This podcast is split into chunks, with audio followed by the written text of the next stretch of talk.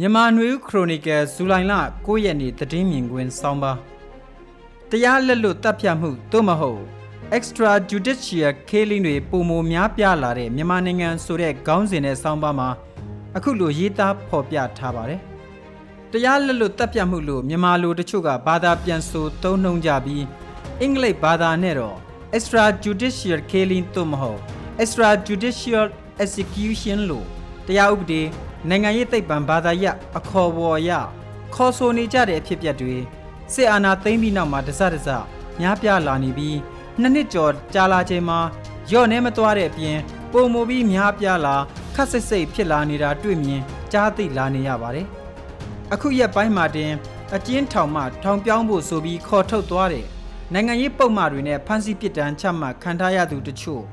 လမ်းမှာပြစ်ဒဏ်ခံထားရတဲ့တဲ့တင် မကြသေးခင်ကအစိုးရလီလီနိုင်ကျော်ကိုလောက်ကြံတပ်ဖြတ်မှုဆွဆွဲချက်နဲ့ဖမ်းဆီးခံထားရသူနှစ်ဦးကိုလည်းတပ်တေကံပစ္စည်းပြတာဖို့ခေါ်ဆောင်သွားစဉ်ထွက်ပြေးတာကြောင့်တောင်တကုံမြို့နယ်ကလမ်းစုံတနေရာမှာပြစ်ခတ်ရင်းတိတ်ဆုံးသွားခဲ့တယ်လို့သတင်းတွေထွက်ပေါ်လာခဲ့တာဖြစ်ပါတယ်။ဒိုက်ဦးမြို့နယ်ကြိုက်စကောအကျဉ်းထောင်ကပဲခူးတိုင်းចောင်းသားသမဂ္ဂခေါင်းဆောင်လူငယ်ဖြစ်တဲ့ကိုခန့်လင်းနိုင်တဲ့အခြားနှစ်ဦးစုစုပေါင်း၃ဦးကိုထောင်ပြောင်းမယ်ဆိုပြီးခေါ်ထုတ်သွားပြီးနောက် သေဆုံးသွားပြီလို့သတင်းတွေထွက်ပေါ်လာပြီးဘယ်လိုပဲပုံဖြစ်ပျက်ခဲ့တယ်လဲဆိုတာတော့ဘယ်သူမှတည်တည်ကြချာမပြောနိုင်သေးတဲ့အနေအထားလေးဖြစ်ပါတယ်။အဲ့ဒီဖြစ်ရမတိုင်ခင်သတင်းပတ်အနေငယ်ကလည်း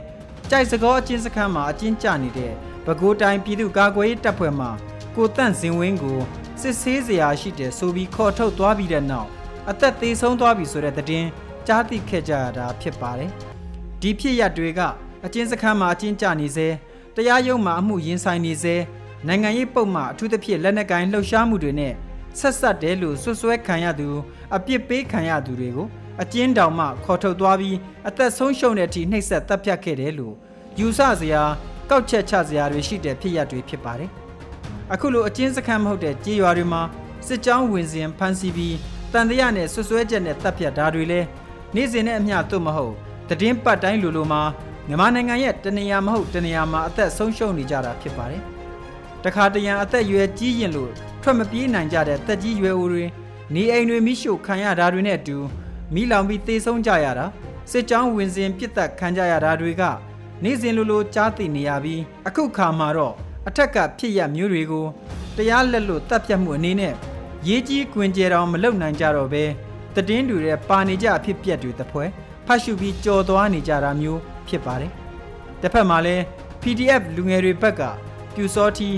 တနည်းအားဖြင့်စစ်ကောင်စီလက်အောက်ကပြည်သူစစ်တွေလို့ယူဆတဲ့ရွာလူထုတွေကိုလက်တုပ်ပြန်လက်စားချေတပ်ဖြတ်မှုအချို့ရှိနေတာလဲတွေ့ရကြားနေရတာဖြစ်ပါတယ်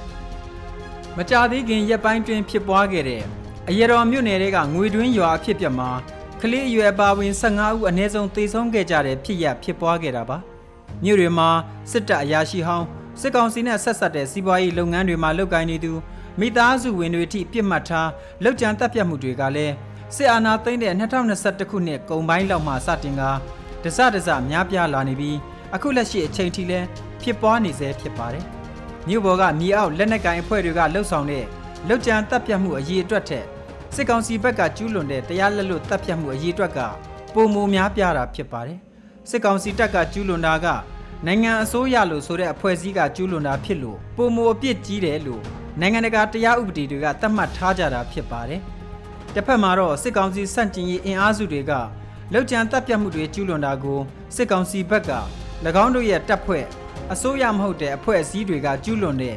တရားလက်လွတ်တပ်ဖြတ်မှုတွေနဲ့နှိုင်းယှဉ်မပြောဆိုသင့်ဘူးဆိုတဲ့အမြင်မျိုးလဲရှိကောင်းရှိနိုင်ပါတယ်။သို့ပေမဲ့တရားလက်လွတ်တပ်ဖြတ်မှုဆိုရင်ဘယ်အဖွဲ့အစည်းကကျူးလွန်သည်ဖြစ်စေ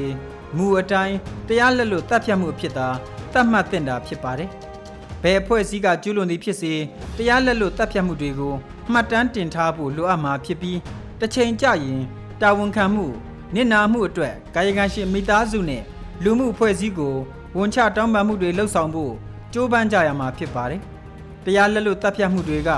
နိုင်ငံရေးအရာရည်မှန်းချက်ကိုရောက်စေတာထက် လက်နက်နဲ့အာဏာမရှိတဲ့လူထုအနေနဲ့ကျူးလွန်တဲ့အဖွဲ့အစည်းကိုယွန်ရှာတာကြောက်ရွံ့တာနာကြီးတာတွေသာဖြစ်ပေါ်စေနိုင်တာကိုလည်းတတိပြုကြဖို့လိုအပ်နေပြီဖြစ်ပါတယ်။